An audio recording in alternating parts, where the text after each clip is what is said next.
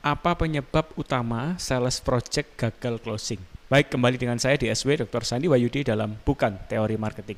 Sales project tentu berbeda dengan sales retail ya. Kalau sales retail berarti kita ketemu dengan user individu, mereka datang tanya kalau mau jadi beli beli saat itu juga kalau nggak jadi ya sudah tetapi kalau kita sebagai sales project tentunya kita mendekatkan diri bukan kepada hanya user tetapi kepada multi decision maker customer kita bukan individu tetapi company perusahaan yang mengambil produk atau jasa kita yang pertama, mungkin kita belum selesai investigasi. Ya, saat kita akan memberikan penawaran, pastikan bahwa kita sudah bertemu dengan banyak pihak, menggali informasi sebanyak mungkin dari kompetitor yang sudah masuk mensuplai barang atau jasa ke perusahaan tersebut.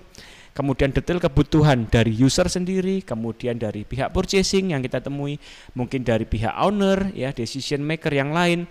Maka setelah kita selesai investigasi, barulah kita berikan penawaran dan kasih penawarannya pun kita harus tepat waktu.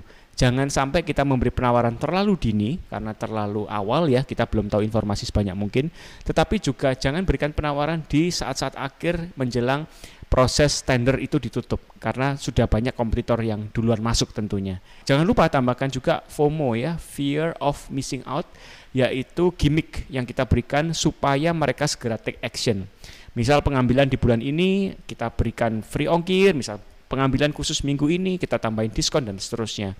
Jadi kita juga pastikan supaya kita nggak di ghosting, kita harus berikan time frame waktu yang segera buat mereka supaya bisa segera ambil keputusan. Semoga bermanfaat. Ikuti seluruh jaringan sosial media dari SLC Marketing dan tentu saja at DSW Sandi Wayudi.